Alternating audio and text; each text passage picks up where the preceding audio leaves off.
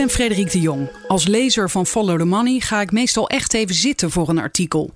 Verhalen waar zo lang aan gewerkt is, kun je bijna niet in vogelvlucht tot je nemen. Het liefste zou ik willen dat de redacteur naast me zat om uitleg te geven. En dat is nu het geval. Welkom bij FTM Audio. I know you're gonna dig this. Deze keer zit ik hier niet met één redacteur, maar met drie, maar liefst, van het platform Authentieke Journalistiek. Bas van Beek, wat is dat? Het uh, platform Authentieke Journalistiek is een samenwerkingsverband van uh, een groep onderzoekers. Um, wij hebben ons de laatste jaren vooral gericht op uh, handelsverdragen en um, het spanningsveld tussen ontwikkelingssamenwerking en de belangen van het bedrijfsleven. Een groep onderzoekers, dus niet per se journalisten? Um, wij zijn een groep onderzoeksjournalisten. Oké. Okay. Ja, we komen, we komen niet van de opleiding journalistiek, maar allemaal van uh, verschillende academische richtingen. Maar uh, onze liefde voor het onderzoek, uh, dat, dat doen we op dit moment in onderzoeksjournalistiek. En zo is dat platform eigenlijk geboren. Oké, okay, en Jilles Mas, waar gaat dit eerste artikel van jullie over? Het eerste artikel bij Follow the Money? het eerste artikel over de Dutch Trade and Investment Board is eigenlijk een soort van introductie aan de lezer van deze organisatie. Dus uh, we gaan in op ja, dat deze organisatie bestaat, wie erin zit en wat er daarbinnen gebeurt. En waarom zijn jullie dit gaan onderzoeken? Ja, leuk dat je het vraagt. Um, Dank je. We zijn, we zijn hiermee. we, we zijn dit gaan onderzoeken omdat we, um, we, we. kregen van iemand bij Somo kregen wij te horen van. Uh, willen jullie eens gaan kijken naar de DTIB? Um, maar kwam, heel even, wat is Somo? Somo is, Somo is een stichting die doet onderzoek naar uh, multinationale bedrijven. Dit zit in Amsterdam. En zij doen eigenlijk al jaren um, onderzoek naar bedrijvenlobby uh, in, Nederland. En het buitenland waar Nederlandse bedrijven actief zijn. Zij, een van de onderzoekers kwam naar ons toe met de vraag: willen jullie eens in de DTB duiken? En wij hadden nog nooit van de DTB gehoord. Um, en dat kom je af en toe kwam je dat tegen op wat overheidssite van de DTB. Um, is, een, is een kleine club. Van, uh, er was ook onduidelijk wie daarin zat. En als je goed ging zoeken, kwam je op de site van Internationaal Ondernemen. Dat is een uh, portaal uh, wat mede werd beheerd door, uh, door de overheid. En daar, daar kon je lezen van het is een soort samenwerkingsverband tussen meerdere ministeries en de top van het bedrijfsleven. En die richten zich op het investeringsbeleid en het vestigingsklimaat van Nederland. En meer was er eigenlijk niet echt bekend. Dus daar zijn wij toen ingedoken. En dat begon met het opvragen van de notulen. En zo is het onderzoek aan het rollen geraakt. Oké, okay, jullie hebben het eh, met z'n drieën gemaakt. Alexander Beunder, jij zit hier ook. En uh, we gaan dus een soort uh, kwik, kwek en kwak uh, gesprek voeren hier bij FTM Audio. Ik ben heel benieuwd hoe het gaat lopen. Ik ga het artikel nu lezen en dan kom ik zo bij jullie terug. Deze club heeft al 13 jaar invloed op ons economisch beleid en toch kent niemand hem. Na de ophef omtrent het afschaffen van de dividendbelasting is de invloed van BV Nederland in Den Haag weer volop in het nieuws. Want dat er veel wordt gelobbyd bij de overheid, daar twijfelt vrijwel niemand aan. Maar hoe dat gebeurt, komt zelden naar buiten. Tot nu. Er is in Nederland een structurele polderlobby gaande. Het doel? Om de belangen van het nationale grootbedrijf te dienen. De naam Dutch Trade and Investment Board, DTIB. Van het omstreden TTIP-verdrag en subsidies voor ondernemen in het buitenland tot het in stand houden van het Nederlandse belastingparadijs. In deze organisatie komt zo ongeveer alles dat te maken heeft met internationaal ondernemen aan bod. Meer dan 60 Nederlandse bedrijven, 30 bedrijfsverenigingen en 7 verschillende ministeries hebben de afgelopen 13 jaar deelgenomen aan deze club. De DTIB is dan ook een zwaargewicht in de Nederlandse politiek. Maar toch is de kans klein dat u er ooit van heeft gehoord. Tot vandaag. Follow the Money kreeg dankzij een WOP-verzoek toegang tot de voorheen geheime notulen van alle vergaderingen die deze lobbyclub de afgelopen 13 jaar heeft gehouden. De DTIB heeft geen eigen kantoor of een vaste vergaderlocatie. Bijeenkomsten vinden plaats op het kantoor van werkgeversorganisatie VNO-NCW in Den Haag of in een van de talloze vergaderzaaltjes op de ministeries van Buitenlandse Zaken en Economische Zaken. Slechts een enkele keer wordt de Hofstad verlaten. In 2010 bijvoorbeeld, als de club ter gelegenheid van het uitzwaaien van staatssecretaris voor Economische Zaken Frank Heemskerk van de PvdA uitwijkt naar het luxueuze kasteel Wittenburg. In het Financiële Dagblad omschreven als het corporate clubhuis van Nederland. Zijn jullie daar wel eens geweest? In het corporate clubhuis? Alexander? Nee, helaas niet. Helaas niet, want wij kunnen daar niet naartoe als eenvoudige stervelingen.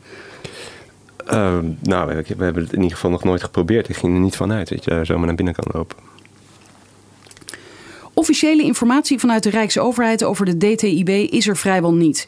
Wie op deze organisatie stuit, doet dat over het algemeen per toeval. Op de site van Internationaal Ondernemen bijvoorbeeld, het webportaal van het ministerie van Buitenlandse Zaken en de Nederlandse handelsbevorderende organisaties, beschrijft de DITB zichzelf als een belangrijk onafhankelijk adviesorgaan voor internationaal ondernemen en internationale economische betrekkingen. Naar eigen zeggen werkt de organisatie aan het versterken van de concurrentie kracht van Nederland. Op haar agenda staan onder meer het Nederlandse vestigingsklimaat, handelsverdragen en de buitenlandse investeringen. Hoe de DITB met deze onderwerpen omgaat, wordt uit de summiere beschrijving echter alles behalve duidelijk. Dus in het begin uh, was het kennelijk heel moeilijk om hier informatie over los te krijgen eigenlijk. Ja, ja er is geprobeerd om, uh, om dat natuurlijk te krijgen. Maar ja, daar hebben mijn collega's die uh, namen dat op zich. Ja, dit was, dit was enorm lastig om uh, hier maar even in te vallen. Um, het ja, dit is de bedoeling, hè, dat je invalt in het gesprek. Ja, je, je, je vindt er eigenlijk bijna niks. Je, je vindt er eigenlijk bijna niks over. Op, uh, ook niet op internationaal ondernemen. Een kort beschrijving, niet meer dan een alinea. En dat doet echt geen recht aan de, uh, aan de zwaargewichten, om het zo maar te zeggen, die zich in deze organisatie bevinden. Want daar kwamen jullie later achter. Je, vindt er wel, je vindt wel een paar uh, bedrijven uh, die worden genoemd. Van uh, onder andere deze bedrijven zitten erin. Maar um, dat het deze omvang had, dat, dat wisten wij niet toen we eraan begonnen. Um, en dat zal later blijken hoe groot die omvang is. De DITB werkt het liefst in de schaduw. Dat blijkt ook wanneer wij met een beroep op de WOP, de Wet Openbaarheid van Bestuur, bij het ministerie van Buitenlandse Zaken om toegang vragen tot documenten over de organisatie. Dan gaan wij lekker lakken, zo luidt de eerste reactie die wij na het indienen van het verzoek krijgen. Een dreigement dus. We kunnen de documenten wel opvragen, maar veel zal er niet te lezen zijn. Ja, want met lekker lakken wordt bedoeld dat ze heel veel met een zwarte stift gaan uh, doorstrepen? Ja, passages die uh, vertrouwelijk worden geacht of uh, die te gevoelig zijn om te delen met het grote publiek, die, die lakken zijn er net. Dat is op zich gebruikelijk, hè? dat gebeurt vaker, zie je vaker bij WOP-verzoeken.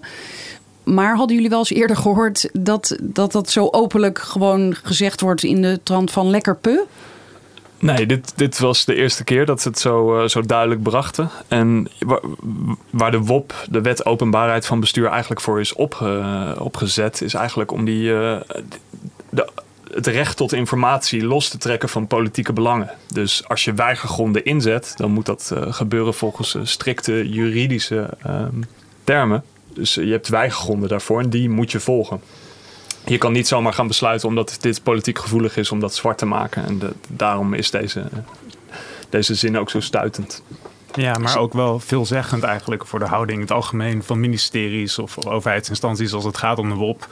Uh, de eerste reactie is vaak eentje van. Pff, Afhoudend. Moeten we nu al die documenten, moeten we dat allemaal gaan verzamelen? Het is heel veel werk, uh, et cetera, et cetera, et cetera. En daarbovenop komt er nog eventuele gevoeligheid. En ja, als je gaat kijken naar Nederlandse politiek en ook uh, de verwovenheid eigenlijk van uh, bedrijfsbelangen met de Nederlandse politiek, uh, dan zie je dat er sneller wordt gezegd van oh, dan gaan wij lakken. Of dat, dat je eerder tegenwerking ondervindt, omdat je in de buurt komt van ja, een van de, de, de kernverdienmodellen van Nederland. En zeiden ze dit eigenlijk aan de telefoon of per mail? dit eerst is telefonisch gedaan. En, en wat was jullie reactie toen? Onze reactie was, uh, we, we zetten gewoon door. We zetten de WOP gewoon door. En het, het kwam, dit kwam van een perswoordvoerder. Ik zal de naam niet noemen. Um, maar we dachten, we, zetten het gewoon door. We kijken wat er uiteindelijk gelakt wordt. En als dat, dat vechten we ook gewoon aan. Um, desnoods laten we het voor de rechter komen. Dus zo hebben we ernaar gekeken. Oké. Als we voet bij stuk houden, krijgen we in plaats van de stok een wortel aangeboden. Of we in plaats van de wop niet liever een etentje zouden willen met DTIB-betrokkenen. Echt? Zijn jullie uitgenodigd voor een diner? Ja, we kregen, daarna kregen we een etentje aangeboden. Um, ja, wat, wat, wat antwoord je daarop? Een etentje, ja. etentje is nooit mis, maar ja, dit, dit was eigenlijk nog helemaal. Uh, dit, dit was misschien nog wel bizarder dat ze gingen lakken. Um, hier hebben we uiteindelijk nog even over nagedacht. Eh, met z'n tweeën om te kijken van ja, het levert toch informatie op. Maar dan niet een etentje in plaats van, maar meer daarbovenop. Inderdaad, dat, dat is hoe we het in gedachten hadden. Maar we dachten het is nu eigenlijk gewoon beter om, om gewoon die, die WOP-procedure eh, aan te gaan en die gewoon eh, netjes te doen. Niet laten afleiden en eh, hopen, want anders kom je straks ook in een benarde situatie dat zij misschien toch denken van oké, we hebben jullie dat etentje aangeboden, waarom gaat die WOP nog door? Ehm, Ja, maar hallo, zo werkt het hier toch niet in Nederland? Tenminste, hoop ik. nou, in, in, in veel WOP-zaken wel. Echt? Ehm, ja, ik, ik raad iedereen aan om eens een keer een, eh, een gevoelig dossier eh, te wobben. En dan zal je erachter komen dat het allemaal niet zo netjes verloopt. Ehm, Oh, ik dacht dat je nu bedoelde en dan zou je zien dat je een etentje aangeboden krijgt. Nou, een etentje is, eh, is, is uitzonderlijk. Dat, dat was ons ook nog niet eerder gebeurd. Maar je zal tegenwerking in de meest creatieve vormen krijgen. En dat is niet zo gek, want als je ook kijkt, in Nederland worden, is er niet zoiets als een opleiding tot een WOP-ambtenaar. In tegenstelling tot bijvoorbeeld wel Groot-Brittannië, waar je echt een bachelor moet hebben om je met, als ambtenaar met WOP-verzoeken eh, te mengen. Maar waar, eh, in Nederland hebben we dan wel weer eh, um, ontzettend veel cursussen voor ambtenaren in WOP-obstructie. Ah, Van hoe hou je zoveel mogelijk verzoeken af? jezus. Dat knippen we eruit. Wacht even. Eh, jee.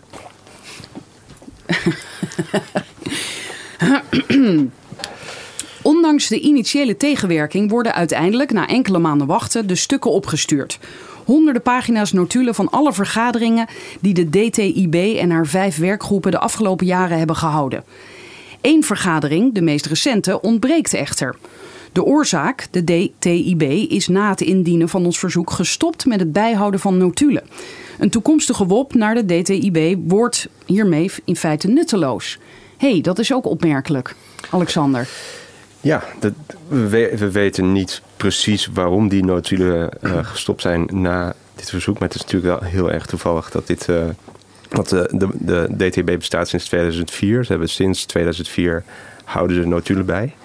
En ineens En op dit moment ja. eh, stoppen ze met het maken van notulen. Ja, we, we kunnen natuurlijk niet hard maken dat dat komt door om eh, in de toekomst informatie voor het publiek achter, achter te houden of iets dergelijks. Maar ja, we vinden toch maar even genoemd. eh, het is toch even genoemd. Ja, en ik lees hier in jullie artikel... de reden dat er geen notulen meer worden bijgehouden... krijgen we uitgelegd in een e-mail van het ministerie van Buitenlandse Zaken. Het gaat er zogenaamd niet om om pottenkijkers buiten de deur te houden. Door vergaderingen niet langer te notuleren... kan de actiegerichtheid van de DTIB worden verhoogd. Een doelstelling die tijdens de vergaderingen, zo blijkt na het bestuderen van die notulen, evenwel nooit ter sprake is gekomen. Opmerkelijk genoeg schrijft een ambtenaar van het ministerie van Buitenlandse Zaken in dezelfde mail dat de DTIB juist transparanter zal worden. Ter verhoging van de transparantie is besloten de agenda en de actielijsten automatisch openbaar te maken. Ook opmerkelijk, hoewel de resultaten van WOP-verzoeken normaal gesproken door de Rijksoverheid online worden gezet, is dat hier niet gebeurd. Daarom hebben we het zelf maar gedaan. Want die staan hier ook online, hè? Ja, we, dat doen we eigenlijk met al onze onderzoeken. Is als wij een WOP-verzoek hebben gedaan, al die informatie behoort de burger toe. Dus die willen we ook beschikbaar maken. Je ziet dat soms doet, doet, doet een ministerie dat zelf. Dat kan je op rijksoverheid.nl kan je die teruglezen. Ehm, op gevoelige dossiers willen ze het nog wel eens niet doen. Dan zetten ze het gewoon niet op. Ehm, dus maar dan zijn ze het zogenaamd vergeten? Het is, het is een mengeling eigenlijk. Het is, eh, soms vergeten ze het. En soms met politiek gevoelige dossiers is- komt het ook gewoon heel goed uit om het niet online te zetten. Dan hopen ze dat het eh, een stille dood sterft eh, in, een, in een bureaulade van een journalist. Maar nu kan dus eh, de lezer van Follow the Money kan via een linkje in dat hele dossier komen. Ja, dat klopt. Je kan alle notulen downloaden. Ik, eh, ik zou zeggen, maak flink wat koffie, want het zijn nogal wat pagina's. Maar ook voor andere onderzoeksgroepen. Wij hebben natuurlijk maar enkele delen kunnen bestuderen. In de notulen staat ontzettend veel. En ook voor mensen die geïnteresseerd zijn in bepaalde Nederlandse bedrijfs, eh, be- bedrijven en hoe zij tegen bepaalde beleids, beleid aankijken, is het gewoon rete interessant. Uit de notulen blijkt dat de DTIB opereert op hoog politiek niveau. Zo waren de staatssecretarissen van Economische Zaken Karin van Gennep van het CDA, Frank Heemskerk van de PvdA en Henk Bleker van het CDA een vast onderdeel van die DTIB.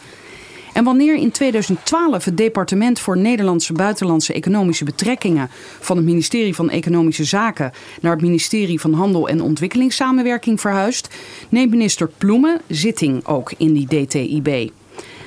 Aan hun zijde vinden deze bewindslieden de hoogste rangen van het ambtelijk apparaat. De directeur-generaals van verschillende departementen onder de ministeries van Economische Zaken, Financiën en Buitenlandse Zaken. Ook de gemeenten en provinciën nemen deel aan het overleg. Rob van Gijzel en Ivo Opstelten, destijds burgemeesters van respectievelijk Eindhoven en Rotterdam, zijn jarenlang betrokken. Maar niet alleen de politieke zwaargewichten zijn vertegenwoordigd. Zo is Randstad-CEO Hans Zwarts elf jaar lang voorzitter, van 2004 tot 2015. Na zijn vertrek wordt hij opgevolgd door scheepsbouwondernemer en voormalig zakenvrouw van het jaar Tekla Bodewes van de Tekla Bodewes Group. Berry Martin, lid van de Raad van Bestuur van de Rabobank, vertegenwoordigt een tijd de financiële sector. En de CEO van het consultancybedrijf Royal Haskoning DHV, Bertrand van E., neemt vijf jaar lang deel aan de DTIB namens de watersector. Ook bedrijven als Achmea, KPMG, Shell, Gasterra en Heineken zitten in de werkgroepen. Ook usual suspect VNO-NCW ontbreekt niet. Vanaf het prille begin in 2004 is de werkgeversorganisatie een belangrijke speler. Eerst is toenmalig voorzitter Jacques Schraven richting bepalend. Later zijn het Bernard Wientjes en zijn opvolger Hans de Boer die tijdens de vergaderingen regelmatig het hoogste woord voeren. In 2014 wordt er mede op aandringen van Wientjes zelfs een compleet nieuwe werkgroep in het leven geroepen, die het Nederlandse vestigingsklimaat onder haar hoede zal nemen. Andere belangenorganisaties die een rol hebben, de Nederlandse Vereniging van Banken, MKB Nederland en de American Chamber of Commerce, de belangenvereniging van de Amerikaanse industrie. Over de omvang en daarmee ook het politieke gewicht van de DTIB te visualiseren, hebben we een netwerkanalyse van de organisatie gemaakt. In de dataset zijn meer dan 60 bedrijven, 30 belangenverenigingen, 5 ministeries en ruim 130 mensen opgenomen. Alle zijn in de afgelopen 13 jaar betrokken geweest bij de DTIB. Ja, dan zie ik hier een uh, enorm schema vormen met allemaal leuke kleurtjes en uh, foto's van die mensen. Uh, en dit heb jij gemaakt, hè Bas? Ja, dit, mede met mijn collega's heb ik dit gemaakt. Uiteraard. Ja. Maar jij met het opperhoofd. Op dit gebied misschien wel, ja, zeker. En even voor de mensen die het nu niet zien, namelijk de luisteraars. Hoe Nou ziet ja, het eruit? Hoe ziet, hoe ziet het eruit? Het ziet eruit als uh, talloze uh, cirkeltjes die met tentakels als het ware aan elkaar vastzitten. Uh, een enorm spinnenweb zou je kunnen zeggen. En um, die netwerkvisualisatie heb ik met Kumu gemaakt. Dat is eigenlijk een online netwerktool waar, waar je mee, daar kan je eigenlijk Excel-bestanden inladen. En dan kan je zeggen van nou, dit zijn de elementen. Dus je hebt bijvoorbeeld uh, je, hebt uh, iemand die werkt bij een bedrijf. En dan zeg ik van nou, hij werkt bij dit bedrijf, maar hij is ook uh, gelinkt aan bijvoorbeeld de DTIB. En als je dit met iedereen doet, heb je op een gegeven moment een prachtige visualisatie van het DTIB-netwerk. En in dit geval dus 13 jaar van het DTIB-netwerk.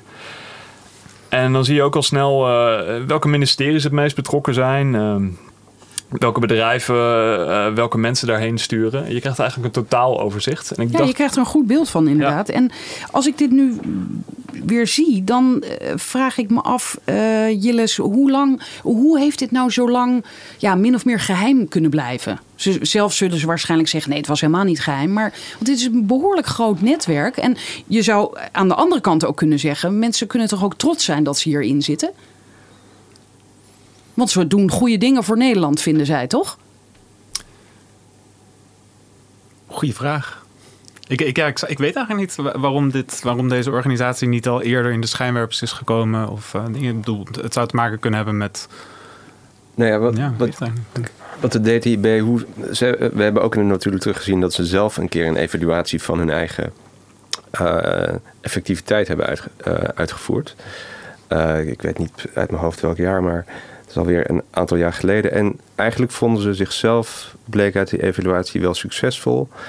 Uh, ook juist mede vanwege de, ja, de huidige vorm die het heeft. En, en zoals ze functioneren is meer op de achtergrond. Voeren ze die gesprekken. Uh, ze hebben invloed op ministers. Uh, dus ze worden gehoord door degene door wie ze gehoord willen worden. hoge topambtenaren. En waar, ja, ik vraag mezelf ook af, en ik, snap het helemaal vanuit hun perspectief, wat is het belang van jezelf dan nog meer bekendmaken? Want je wordt al gehoord. Hun invloed is niet per se via media, via persverklaringen. Dat doen ze wel soms, maar eigenlijk heel weinig. Dus ja, er is eigenlijk voor hunzelf niet echt een heel groot belang om heel erg in de schijnwerpers te staan. En ik kan me ook voorstellen dat ze dat juist uh, eh, ja, liever niet eh, hebben. Want ehm, het beleid waar ze soms invloed op hebben, dat wordt gepresenteerd door ministers als dat is mijn idee. Dat, Oh, ehm, ja, ja. en nou ja, goed, wat eruit natuurlijk blijkt, is dat ze daar toch wel eh, eh, in meerdere beleidsdossiers eh, mee aan tafel zitten. Dus ja, dat. dat De, ligt dus ministers leunen sterk, of leunden sterk op, op deze organisatie. En dat willen ze misschien niet altijd laten blijken. Dat zou ik me voor kunnen stellen, ja. De, ja, dat ja, dus dan gaat het eigenlijk om, om, eh, om ego's gaat het dan. Of Om zie ik dat verkeerd? Dat je Ja, je zelf wil doen alsof je iets hebt uitgevonden of zo, of iets bedacht. Ja, ik weet niet. Ik, ik denk dat, het, dat er een onderscheid moet maken ook tussen een soort van de publieke partijen die erin zitten en de private partijen. En dat eh, naar buiten treden als DTB ehm, niet per se noodzakelijk is. Bijvoorbeeld het VNO-NCW, die mengt zich in duizend en één dossiers eh, in Nederland. En zij hebben eigen kanalen. Dus zij hebben hun eigen publieke kanalen, de journalisten die ze kunnen contacteren om iets naar buiten te brengen en dergelijke. Dus voor hun zou dat inderdaad geen enkele toegevoegde waarde zijn. Interessant. Ik lees verder. De bestuurlijke en economische elite van Nederland vindt elkaar in de DTIB. En als we kijken naar de samenstelling, dan zien we dat er de afgelopen jaren een netwerk is ontstaan waarin alle neuzen min of meer dezelfde kant op staan. Een groep van vrijwel uitsluitend witte mannen van middelbare leeftijd die gezamenlijk het economisch beleid van Nederland in het buitenland helpen vorm te geven. De samenstelling van de DTIB wordt bepaald door de leden zelf, die daar zitten op persoonlijke titel. In het convenant van samenwerking, opgesteld tijdens de oprichting van de DTIB in 2004, staat dat een nieuwe partij alleen mag toetreden als alle bestaande partijen daar unaniem mee akkoord zijn. Wie lid wil worden, moet dus worden uitgenodigd. De DTIB wordt samengesteld op basis van expertise, zegt voorzitter Hans Zwarts, destijds CEO van Randstad, tijdens de bijeenkomst van september 2012. En dat samenstellen gebeurt op zo'n manier dat de Nederlandse topsectoren ieder een eigen vertegenwoordiger hebben. Wat niet in het convenant staat, maar wel een belangrijk principe is: bij afwezigheid van een van de leden is er geen plaatsvervanging mogelijk. Daar herinnert staatssecretaris Frank Heemskerk VNO-NCW in 2007 aan als in plaats van Wientjes plots Kees Oudshoorn de Nederlandse werkgevers wil vertegenwoordigen. Als het gaat om de verschillende bewindslieden die de afgelopen jaren bij de DTIB aan tafel schoven, komt uit de notulen een beeld naar voren van dienstbaarheid aan het bedrijfsleven. Zo noemt toenmalig staatssecretaris van Economische Zaken Frank Heemskerk zichzelf bij een vergadering in 2007 de sales manager van Nederland in het buitenland. Heemskerk is graag bereid deuren voor Nederlandse ondernemers te openen, al zegt hij het zelf. En tijdens haar eerste vergadering als minister voor Buitenlandse Handel en Ontwikkelingssamenwerking in 2012 stelt Liliane Ploemen zich als volgt voor. Het sleutelwoord is samen optrekken. De overheid moet daarbij als bondgenoot voor het bedrijfsleven de maximale ruimte scheppen om te floreren en groeien en te laten profiteren van snel groeiende afzetmarkten. Uit de notulen van de DTIB blijkt hoe belangrijk deze rol van de overheid als bondgenoot is. Nederlandse bedrijven verdienen voor een groot deel hun geld in het buitenland. De ondersteuning van de overheid is hierbij zeer welkom. Zo benadrukt Manny Prins, CEO van glastuinbouwbedrijf Priva, tijdens een vergadering in 2011 het belang van economische diplomatie en dat niet vergeten moet worden dat het bedrijfsleven de overheid nodig heeft om buitenlandse markten te betreden. Ja, dat weten we inmiddels natuurlijk. Hè, sinds eh, dat hele verhaal naar buiten is gekomen van eh, die dividendbelasting. Althans, het afschaffen daarvan. eh, weten wij, de burgers, ik spreek even namens de lezers. weer dat Nederland dit bovenaan de lijst heeft. Hè, van, van bovenaan de actielijst. Ja, dat de overheid het bedrijfsleven ondersteunt. Ja, bedoel dat, dat er vinden wij kennelijk logisch in Nederland. Ja, al, moet ik wel zeggen, Heemskerk, de sales manager van Nederland, het klinkt wel alsof hij voor de blokker aan het werk is in plaats van eh, voor een rechtsstaat waarin allerlei verschillende belangen moeten worden afgewogen en mensen en milieu natuurlijk ook een belangrijke rol spelen. Ehm, maar eh, over economische diplomatie, het is natuurlijk wel interessant om te zien dat, weet je wel, er worden veel eh, reizen gedaan, eh, handelsreizen waar eh, ministers meegaan. Soms eh, gaat de koning mee of als er een staatsbezoek is. Dat die rol van de overheid ehm, essentieel is. Van, dat werd ook aangegeven in interviews die we hebben gehouden met verschillende DTB-betrokkenen. ehm, allemaal hamers erop van ja, dit is de manier waarop je zaken kunt doen eh, in het buitenland. Van, je hebt een minister nodig, je hebt een representant van de Nederlandse overheid nodig als manier om naar binnen te komen. Maar die mensen wilden kennelijk wel met jullie praten. Uh, ja. Ja, want eerst even nu, de, net uh, is natuurlijk het verhaal verteld over de, die WOP die vrij moeizaam ging. Toen kregen jullie informatie, ja. notulen. Toen kwamen jullie erachter wie er allemaal in zitten. Ja. Toen zijn jullie mensen gaan benaderen en dat ging dus vrij makkelijk? Um, ja, nou, niet, niet iedereen reageerde meteen. Hans Zwart wilde volgens mij die wilde niet. Die wilde niet. Maar nee. dat was vooral omdat hij al gestopt was. Ja, hij was al gestopt. Um, ja, ook Wientjes kregen we niet te spreken, want die wilde niet over zijn graf heen regeren. Ja, de, maar sommigen hebben wel uh, kunnen spreken. Um, het, het, staat ook wel in, in het artikel wie we, wie we gesproken hebben. Uh, maar ik denk dat het, wat ook opvalt is dat de leden zelf vinden, ja, die vinden het allemaal redelijk vanzelfsprekend. En die, ja, die zien ook niet echt per se een probleem in, of die vinden niet dat het politiek gevoelig ligt. Dus uh, ja, ze praten daar vrij openlijk over. Want het is, vanuit hun perspectief is het heel vanzelfsprekend dat in Nederland het bedrijfsleven met uh, de overheid aan tafel zit. Om te kijken hoe de overheid het bedrijfsleven kan uh, ondersteunen. Uh, dat is zo vanzelfsprekend dat ze zich, dat ze zich eigenlijk zelf afvroegen van. Wat waarom schrijven jullie ja, hierover? Wat, ja. wat, is hier, wat is hier interessant aan? Nou ja, het staat ook, dat, daar kwam mijn vraag van net ook een beetje vandaan. Van waarom zou je dit dan ja, min of meer verzwijgen? Maar waarschijnlijk zullen zij zeggen, nee, we verzwijgen het niet. Uh, die, ja, wat moet je erover zeggen? Het gebeurt gewoon. Ja, het gebeurt gewoon. Maar ik denk wel, nou, het wordt misschien niet actief verzwegen. Ik bedoel, ze, ze zeggen niet, de DTB bestaat niet. Maar er is wel een heel groot verschil tussen het beeld wat de ministers binnen de DTIB, die in de DTIB zitten, uh, naar buiten brengen in bijvoorbeeld kamerdebatten. En de taal die ze gebruiken in de DTIB zelf. Dus wat je bijvoorbeeld ziet van, van Ploemen, is naar buiten toe heeft ze een hele krachtige taal over uh, het belang van maatschappelijk verantwoord ondernemen. Over het feit dat er een. Ze heeft ook al eens gezegd: in Nederland is er een gezonde scheiding tussen het bedrijfsleven en de overheid.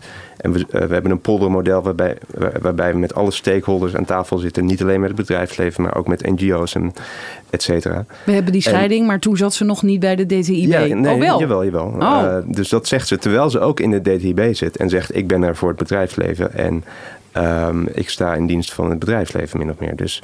Um, ja, het is wel een, een hele andere taal die in de DTB zit en die de ministers buiten in de publieke arena verkondigen. Ja, dus met dat argument lijkt het juist heel goed dat dit nu naar buiten komt. Dus ik ga ja. verder lezen.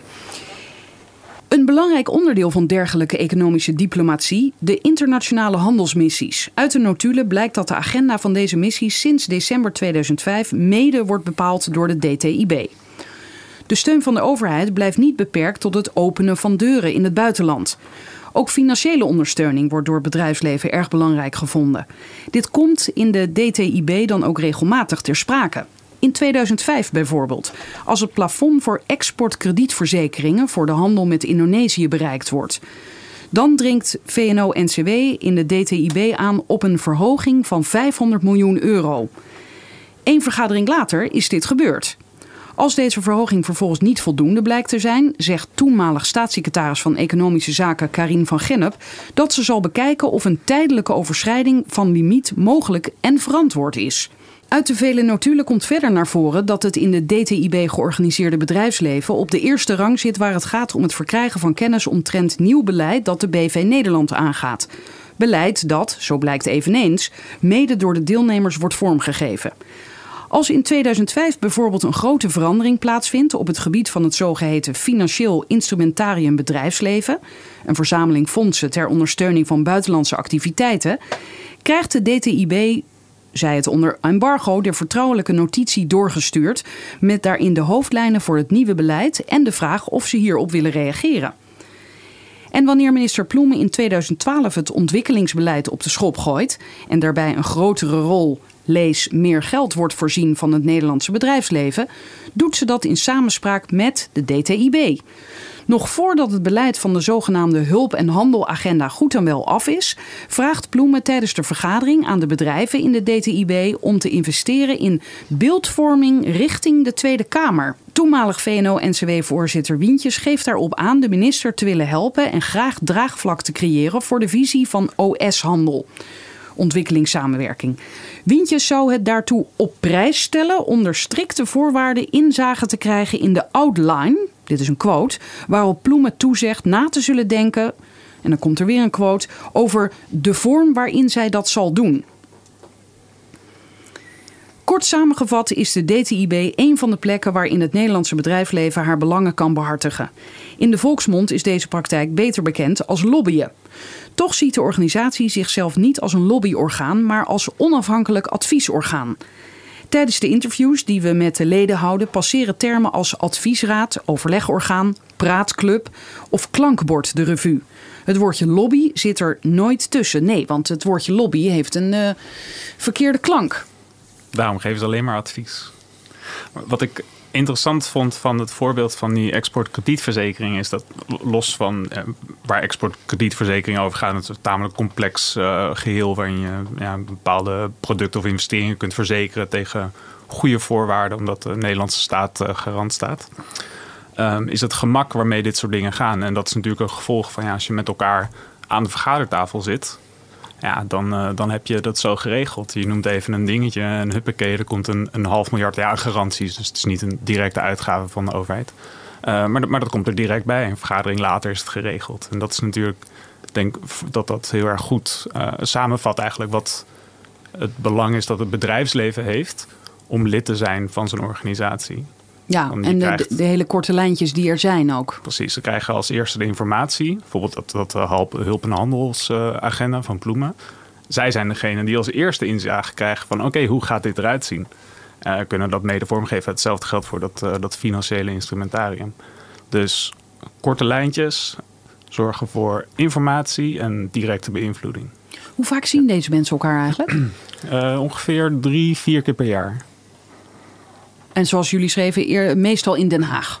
Op een van de ministeries. Ja, ja maar uh, dat is de plenaire vergadering. Er zijn ook nog werkgroepen die, die buiten die drie, vier vergaderingen per jaar ook nog uh, samenkomen. Dus er zijn nog meer momenten van uh, ontmoeting. Maar dat verschilt sterk. Dat verschilt er sommige, sterk. Sommige werkgroepen zijn meer succesvol dan andere. Bijvoorbeeld ja. de werkgroep Afrika is, die komt structureel bij elkaar. Maar je hebt ook andere werkgroepen die, die lopen minder goed of die, die ja, zien elkaar ja. minder. En waar komt dat door? Weten jullie dat? Ja, het, het verschilt nogal. Soms denken ze dat ja, de effectiviteit van een werkgroep, of uh, soms zie je ook dat het, het continent of zelfs de, de, het, het, gebied waar ze zich op concentreren, is dan van minder belang op dat moment. Dus dan komen ze ook minder uh, snel bij elkaar. Oké. Okay. Ja, het hangt ook gewoon maar af van wie een werkgroep trekt en of daar heel actief iemand op zit. Daar, daar is ook wel eens discussie over intern van. Uh, moet daar misschien iemand anders op die werkgroep of, of, of iets dergelijks. Dus. Zoals dat bij wel meer organisaties ja. gaat. Ja. ja. Maar ik denk misschien nog ook belangrijk om te noemen. Ja, we hebben het over dingen die heel uh, complex zijn. Exportkredietverzekeringen en die, en die, um, uh, dat, dat, beleid van Ploemen dat dus besproken wordt. En waar Wientjes inzage in krijgt voordat het naar de Kamer ja. is. Of misschien inzage in krijgt. Of in ieder geval een samenvatting van wordt. Dat, dat kunnen we allemaal niet behandelen in deze artikelenserie. Maar dat zijn allemaal dingen die buiten de DTIB heel erg omstreden zijn geweest. Dus in de media hebben daar ze heel veel kritieken geplaatst over exportkredietverzekeringen. En dat het een heel schadelijk instrument is. En ook over de, het beleid van Ploemen is heel veel kritiek geweest van ontwikkelingswetenschappers en NGO's. Maar die zie je niet terug in de DTIB-vergaderingen. Daar is er eigenlijk ja, vrij Daar grote het niet eens over, eensgezindheid van dit is gewoon goed en we gaan het verhogen en prima. En het beleid van Ploemen wordt ook over het algemeen uh, enthousiast op gereageerd door de, door de leden. En die kritieken daarop die je daar buiten hoort, die, ja, die worden eigenlijk niet gehoord binnen die vergaderingen. Dus dan heb je een, je hebt een groep van ja, topambtenaren en uh, bedrijfsleden die eigenlijk heel eensgezind met elkaar elkaar aanmoedigen in dit, in dit beleid. En die Tweede Kamer die je noemt, die dus soms later iets te horen krijgt dan in destijds dan Wientjes. Weet de Tweede Kamer dat? Dat zij het later horen dan Ja. Wintjes. Eh, dat is volgens mij niet eh, door Ploemen gemeld. Maar is, is dat, eh, mag dat wel? Eh, ja, ministers is natuurlijk vrij om te raadplegen eh, wie hij of zij wil. Ja. Ehm, en op zich, je, je zou ook kunnen zeggen, ja, voor Kamerleden maakt het in principe niet zo heel veel uit eh, door wie het beleid is beïnvloed, aangezien zij gaan over ja, hoe ziet dat beleid eruit. Dus op basis daarvan kunnen zij zeggen van oké, dit is goed beleid, slecht beleid, eh et cetera. Ja. Dus het gaat tenslotte daar om de inhoud. Dus het feit dat Al jullie ook- noemen... Eh, Ja, sorry. ja, al zou je daar ook kunnen zeggen natuurlijk van ja, maakt wel degelijk uit eh, wie heeft meegeschreven aan beleid. Want dat zegt natuurlijk ook iets over de belangen die worden behartigd als dat specifieke beleid wordt ingediend. Zou, ik zit opeens te denken, zou dat ooit kunnen ontstaan? Dat in de Tweede Kamer, dat de minister inderdaad vertelt... op basis van welke mensen en welke adviezen een, een, een plan is ontstaan? Dat zou wel de optimale transparantie zijn. Ja, wat je soms wel ziet is dat als er, als er iets nieuws is, dat er dan gezegd wordt van oké, we hebben eh, om schriftelijke reacties gevraagd van eh, verschillende partijen. En dan zie je een lijstje met welke dat wel. organisaties dat zijn. Soms eh, wordt er ook gelinkt naar de, naar de antwoorden die zijn gegeven op de vragen die, die zijn gesteld aan die partijen. et cetera. Dus in Ja, dat zekere zin soms bestaat, dus. het, Ja. bestaat het wel. Het zou misschien wat structureler en wat principiëler kunnen worden toegepast. Ja, er is ook in Nederland. eh, er, er wordt ook wel door bepaalde Tweede Kamerleden. ehm, wel opgeroepen tot een strengere wetgeving hierover. Want dat- die kan in Nederland wel.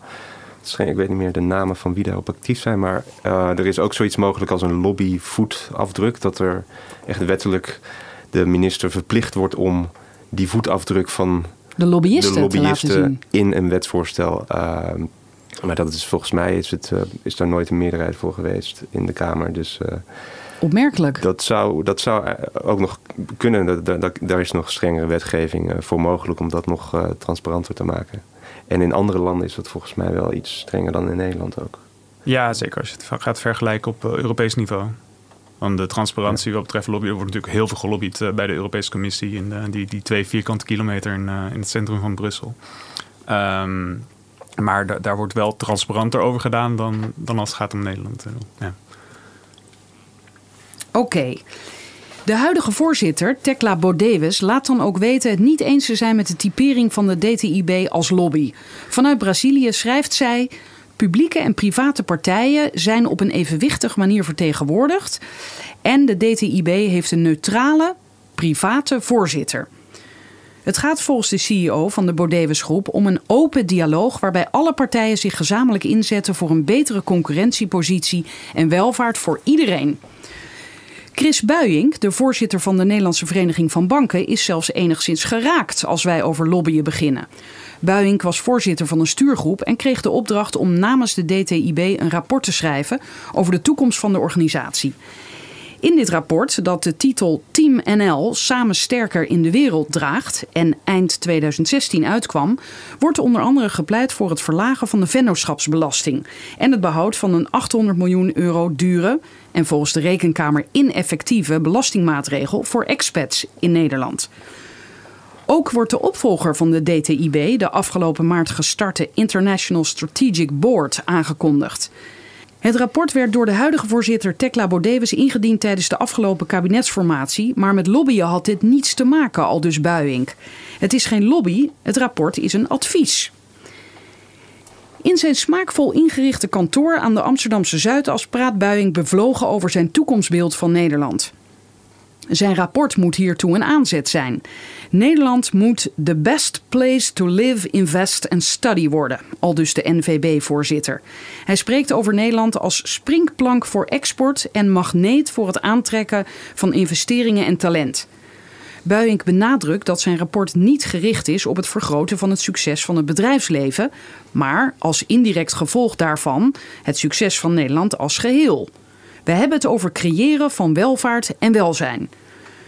Bodewes beweert dus dat de bedrijven in de DTIB niet aan het lobbyen zijn, omdat er sprake is van evenwicht met de publieke kant.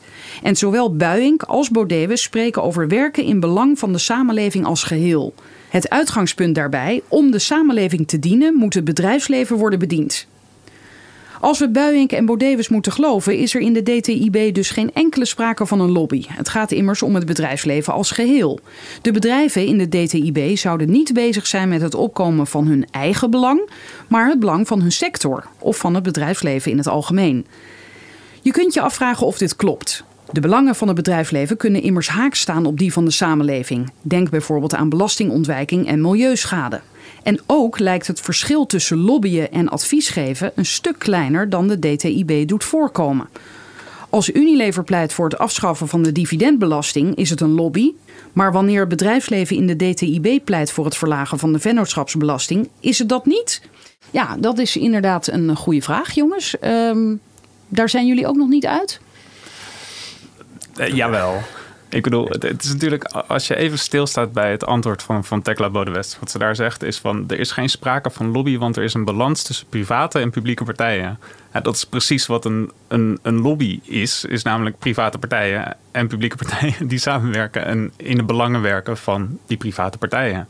En je zag net ook met Ploem bijvoorbeeld, als zij uh, pleit voor haar uh, voor ondersteuning van haar hulp- en handelsagenda.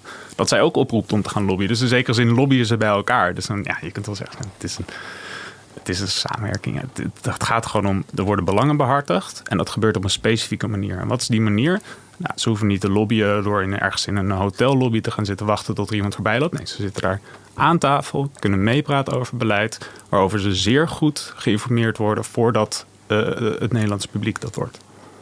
Dus ja, het, is een vreemde, vreemde opmerking. Ja, dus er is een soort van illusie van uh, dat waar zij het allemaal over eens zijn binnen de DTB, dat iedereen het daarmee eens is. En dat goed is voor iedereen, want uh, zoals hij zelf zegt, wat goed is voor het bedrijfsleven, zou zogenaamd goed zijn voor uh, de hele samenleving. Want als het bedrijfsleven uh, bloeit, dan ontstaat er welvaart en banen voor iedereen. Nou, dat is natuurlijk een uh, vrij simplistisch verhaal wat, uh, waar je vraagtekens bij kan zetten. Maar dat is wel hun, ja, dat is wel hun gedachte volgens mij. Dat is wel over het algemeen het beeld wat we uit de interviews, wat we uit de notulen krijgen, is dat dat een manier van denken is. er is geen politiek conflict waar wij het over eens zijn, is goed voor iedereen. Dus is het geen lobby. Ja, je lacht erbij. Dat ziet de luisteraar niet. Maar ik. Uh... Nee, ja, natuurlijk. Ja, ik, ik vind het een grappig. Ik denk echt een van de meest sprekende voorbeelden daarvan dat dat niet zo is. Dat het niet het algemeen belang dient. Is bijvoorbeeld als er op een gegeven moment een reis naar Egypte wordt gepland. Dan wordt er ook gezegd van laten we het alsjeblieft niet over die mensenrechten hebben. Van dat, dat zit de handel eigenlijk alleen maar in de weg. Dus dat wordt echt aan de kant geschoven. Dus het gaat om specifieke belangen. Maar staat dat in de notulen of bedoel je dat dat normaal gesproken komt dat, staat in zo... een, dat staat in de notulen en dat, uh, dat zal uh, later zal het aan bod komen in andere artikelen. Hmm. Want naar buiten toe wordt altijd gezegd, waar, waar mogelijk zullen wij toch wel de, de, de mensenrechten bijvoorbeeld aanstippen. Naar buiten toe, ja. Ja, hmm. maar in de, dat, dat komt in een later artikel ook nog terug. Uh, ja, in de vergadering zelf wordt er vaak juist kritisch, kritisch uh, gereageerd wanneer uh, maatschappelijk verantwoord ondernemen ter sprake komt. En inderdaad, zoals een collega net zei, bij een reis naar Egypte in de werkgroep wordt, wordt dat inderdaad. Kort nadat er Amnesty een heel ja, schadelijk rapport naar buiten brengt over hoe mensenrechten in Egypte worden geschonden uh, wordt er in de DTB gezegd, nou, als we daar op reis gaan, laten we het alleen over handel hebben en niet over, uh, over mensenrechten en dat soort dingen. En, en Wientjes die eh, zelf die zegt ook op een moment, het bedrijfsleven is in principe geen armoedebestrijder um, wanneer het over MVO gaat. Dus ja, dat is ook iets wat, waar, waarvan je kan zien dat niet alle visies en niet alle belangen vertegenwoordigd worden. En daar is overigens in het begin uh, toen de DTB werd opgericht, is er nog wel discussie over geweest in de Tweede Kamer. Er werden er ook nog Kamervragen gesteld over waarom zit er niet ook een vertegenwoordiger uh, bij die iets kan inbrengen over MVO. Die iets meer die... Maatschappelijk verantwoord ja, ondernemen. Ja. ja, precies. Die iets Bijvoorbeeld meer uit, uit, noem eens wat clubs die erbij zouden kunnen zitten. Nou, in, in, uh, bij het oprichten was het MVO platform was daar kritisch over. Over de DTB zelf. Die stuurde daar ook nog een kritische brief over. Hmm. Uh, en die zei, ja, waarom... Uh, die was ook iets over dat MVO toen nog helemaal niet genoemd werd in alle documenten van de DTB. Eh, maar goed, ja, je kan denken aan zoveel NGO's die eh, hun eh, streep hebben verdiend eh, de afgelopen jaren. Grote NGO's die we allemaal kennen, die, eh, die ook een mening hebben over het beleid wat in de DTB besproken wordt. Ontwikkelingssamenwerking, exportkredietverzekeringen, ehm, het, het vestigingsklimaat. Het is ook, het- er is ook een soort gek idee dat, dat alle belangrijke stakeholders daarin zitten. Maar eh, als je na- naar iets eh, kijkt zoals de dividendbelasting, dat gaat niet alleen het bedrijfsleven aan. Dat gaat natuurlijk ook ehm, eh, werknemers aan. Vakbonden die, die hebben daar natuurlijk ook een mening over. Eh, Dit, als- dit is eigenlijk doorgetrokken. Sorry, ik, ik val je nu in de reden. Maar d- hoe dat laatst naar buiten kwam. Die, het afschaffen van die dividendbelasting. Dat er zogenaamd eh, niks over opgeschreven was. En Mhm. hè, dat ging ook eigenlijk op die manier. Van laat het volk maar lekker slapen. Wij regelen dat even onderling. Ja, wij weten wel wat goed is. Ja, wij weten wat goed is voor jullie. Alleen dat kwam toch uit. Gelukkig. Dus nu weten wij dat wel. Ja, ook door middel van een WOP-verzoek kwam dat naar buiten. Ja, inderdaad. Ja, grappig. En in dat geval is het overduidelijk een lobby. Ja, er worden, er ik geloof met dividendbelasting was het eh, Unilever natuurlijk erg belangrijk, Shell. En dan is iedereen het er meteen over eens van, eh, dit is een lobby, puur sang, hoef je niet over, over te debatteren. Maar als het gaat om zo'n organisatie die eigenlijk structureel betrokken is bij het vormgeven van beleid, dan gaat het ineens om advies. En dat is natuurlijk een hele rare gedachtenkronkel eh, die je dan maakt. Dus als, het, eh, weet je, als je één keer in de maand eh, of één keer in de drie maanden samenkomt, dan ben je bezig met het geven van advies. Waar een minister mee kan doen wat hij wil. Maar als het een soort van ad hoc gebeurtenis is, dan is het duidelijk een geval van lobby. En wat volgens ons die DTB vooral ja, uniek maakt, is dus die samenwerking. Je hebt het over een structurele ja, lobby. Maar een lobby tussen overheid en bedrijfsleven, of lobby van bedrijfsleven richting overheid, die in de praktijk eruit ziet als een samenwerking waar alle neuzen dezelfde kant op staan. Dus waar iedereen over het doel staat in zekere zin vast. En dat wordt ook zelden onderbouwd. Dus dat zie je heel erg duidelijk bij, eh, bij het vestigingsklimaat. Van, er worden allerlei sterke troeven genoemd dan in een vergadering van de DTB. Bijvoorbeeld eh, de, eh, het Nederlandse verdragennetwerk, de 30%-regeling, de belastingovereenkomsten. Dit zijn stuk voor stuk allemaal maatregelen die ontzettend omstreden zijn. Die miljarden euro's kosten aan gemiste belastinginkomsten. De 30%-regeling, help me even. Ehm, ja, de 30%-regeling is een regeling waarbij ehm, eh, die bedoeld is om buitenlandse werknemers aan te trekken. En Oh ja. eh, in ruil daarvoor eh, mogen werkgevers 30% van het loon onbelast uitkeren. En dat zijn dan kosten die gepaard gaan met de reizen die mensen bijvoorbeeld moeten maken naar een land van herkomst, familiebezoeken en dat soort dingen. Al die maatregelen zijn ontzettend duur. Die kenniswerkerregeling kost eh, in 2015 al 800 miljoen euro. En wat je ziet is dat de onderbouwing voor al die maatregelen ontbreekt. En er wordt ook in de DTB geen discussie gevoerd over voor's en tegens. Het is gewoon, we hebben die regeling, eh het trekt voor het buitenlandse werknemers aan, klaar. Daar stopt het. Nee, wat uit de notulen van de DTIB vooral naar voren komt, is juist hoe ingepolderd de lobbypraktijken in Nederland zijn. Dit is een organisatie die van binnenuit en op structurele basis meepraat over het te voeren beleid. Lobbyen als bestuursmodel. Strikt genomen hebben de private leden van de DTIB dus gelijk dat het geen lobbyisten zijn.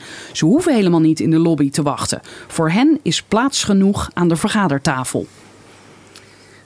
Einde. Einde artikel, deel 1 althans, hè, want eh, jullie, hebben jullie maken er meerdere. Waar gaat het volgende artikel over? Eh, het volgende artikel gaat over het Nederlandse vestigingsklimaat. En dan specifiek hoe een werkgroep van de DTB, de werkgroep vestigingsklimaat, zich inzet voor het behoud van ja, miljarden kostende subsidiemaatregelen en belastingmaatregelen van, eh, van Nederland. Dus eigenlijk die maatregelen die van Nederland een belastingparadijs maken. Eh, daar is de werkgroep vestigingsklimaat en, en ook de grote DTB eh, behoorlijk enthousiast over. En zodra die bedreigd worden, dan zie je dat de DTB in actie komt om te voorkomen dat ja, regels strenger worden of eh, belastingontwijking wordt aangepakt. En hoe doen jullie dat onderzoek verder? Want er zijn dus geen notulen meer. Want daar zijn ze mee gestopt, toch? Vertelden jullie met notuleren. Dit is Ja. gebaseerd op de notulen die we al hebben. We hebben ook de notulen van, eh, van de werkgroep Vestigingsklimaat onder andere. Dus we, we hebben gewoon doorgeschreven, als het ware. Maar dit is wel bizar, want eh, als jullie straks klaar zijn met jullie reeks artikelen, dan daarna zou je nooit meer iets kunnen publiceren omdat zij niks meer opschrijven. Nou, het is natuurlijk de vraag in hoeverre dat voor hun ook handig is. Want op zich, ja, notulen zijn best wel ja, praktisch. Eh, om te zien van, oh ja, waar hebben we het over gehad? Eh, welke ja, afspraken die zullen ze natuurlijk in de actielijst hebben. Maar eh, het is handig ook voor hun. Dus de kans is best wel groot dat ze na een paar keer denken van... wacht eens even, misschien moeten we toch maar die notulen bijhouden. Want dan ja, weten we in ieder geval waar we allemaal mee bezig zijn. Of ze gaan inderdaad weer notuleren, maar ze halen de, de, de essentiële zaken eh, eruit. Jij begint nu te knikken. Ja, dat, dat is zeker een optie. Dat zag je ook terugkomen in het, eh, het, het debat rondom de dividendenbelasting. Toen werd dat ook gezegd van eh, als alles openbaar gaat worden, dan, dan is er natuurlijk de kans dat wij het gewoon geheim gaan houden. Het is natuurlijk Ja. een bizarre denkwijze, maar dat is, dat is wat kan gebeuren. Ja. Ja, maar dat neem ik onmiddellijk aan dat ze dat gaan doen. Of de, uitspraken zoals ik ben de sales manager van Nederland. Dan zeggen ze er waarschijnlijk bij, eh, schrijf dat maar even niet op. Nee, dat wordt nu een actie, een mooie actielijst met wat er gewoon moet gebeuren in de meest neutrale termen. Ja. Ehm, ja, we zullen, we zullen zien wat, er, wat ze nu nog publiceren. Ik heb er niks meer bij zien komen. Want ze hebben dus gezegd dat we de toekomstige notulen eh, eh, nu ook online, of notulen, de actiepunten online zullen zetten. Ik heb ze nog niet gezien, maar ze zitten natuurlijk ook nu in een overgangsfase naar een nieuwe organisatie, die ISB. Ja, precies. Die werd even genoemd ook al. Ja, die is dit jaar eh, begonnen, eh, de International Strategic Board. Dus het is omgevormd. Ja, Ehm, waarom is dat eigenlijk? Ja, er is een, eh, een, een, een eh, evaluatie geweest en, en een plan gemaakt voor vernieuwing, professionalisering van de DTB. Eigenlijk eh, om, het, ja, om het misschien nog meer ja, te professionaliseren en meer gewicht te geven. En Chris Puink, die was daar een. Toch, eh, hij Ja. was degene die dat trok, die dat, die, die evaluatie en die, dat nieuwe plan eigenlijk opstelde om een nieuwe organisatie op te zetten met nieuwe werkgroepen. En, maar eigenlijk met hetzelfde doel. Dus eh, ervoor zorgen dat, eh, ja, dat, eh, dat het Nederlandse bedrijfsleven blijft eh, exporteren en hun eh, economische belangen internationaal eh, eh, behartigd worden. Alleen dan met een andere naam. Ja. Oké, dus en dus we weten nog niet precies. dat is echt dit jaar van start gegaan. Dus dat is nog jong. We weten nog niet of zij wel notuleren of niet. Ehm, dus daar, daar moeten we nog, ja, daar moeten we nog naar kijken hoe, hoe die vorm eh, krijgt. Nou ja, op één manier waarop we daar achter kunnen komen is op het moment heeft Renske Leijten, Kamerlid voor de SP, heeft eh, twintig Kamervragen over het eerste stuk gesteld. En Aha. dit is onder andere een van haar vragen van hoe dat eruit gaat zien. Hoe gaat de nieuwe, de ISB, hoe, hoe gaan zij hun notulen opzetten? Worden die, eh, worden die online gezet? En misschien nog wel een van de vragen waar wij het meest mee eh, rondliepen was van zijn er ook nog meer organisaties zoals de DTIB die structureel met eh, onze ministeries eh, aan tafel zitten waar we niks van weten. We hebben in het begin hebben dat Dat is ook een vraag van, ja, van dat, dat, ja, dat is. eh, mevrouw Luiten heeft dat ook gevraagd. En dit is een vraag waar wij ook echt mee, mee rondliepen. Van, van, zijn er nog meer DTIB's waar, waar we wellicht nog nooit van hebben Ja. gehoord? En tot slot, ehm, eh, is het eh, volgende etentje al aangekondigd?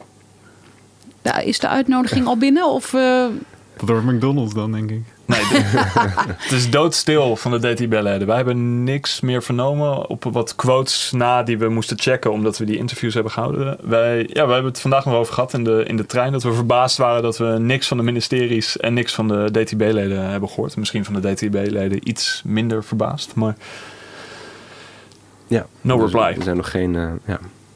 binnenkort komt het volgende artikel online. En hoeveel artikelen gaan jullie maken over deze kwestie? Drie. Drie. Ja. Oké, dank jullie wel. ja, graag Alle drie. gedaan. Tot zover FTM Audio. Ga voor meer geschreven verhalen naar ftm.nl. Ik meld me snel weer met een audioartikel. Dag!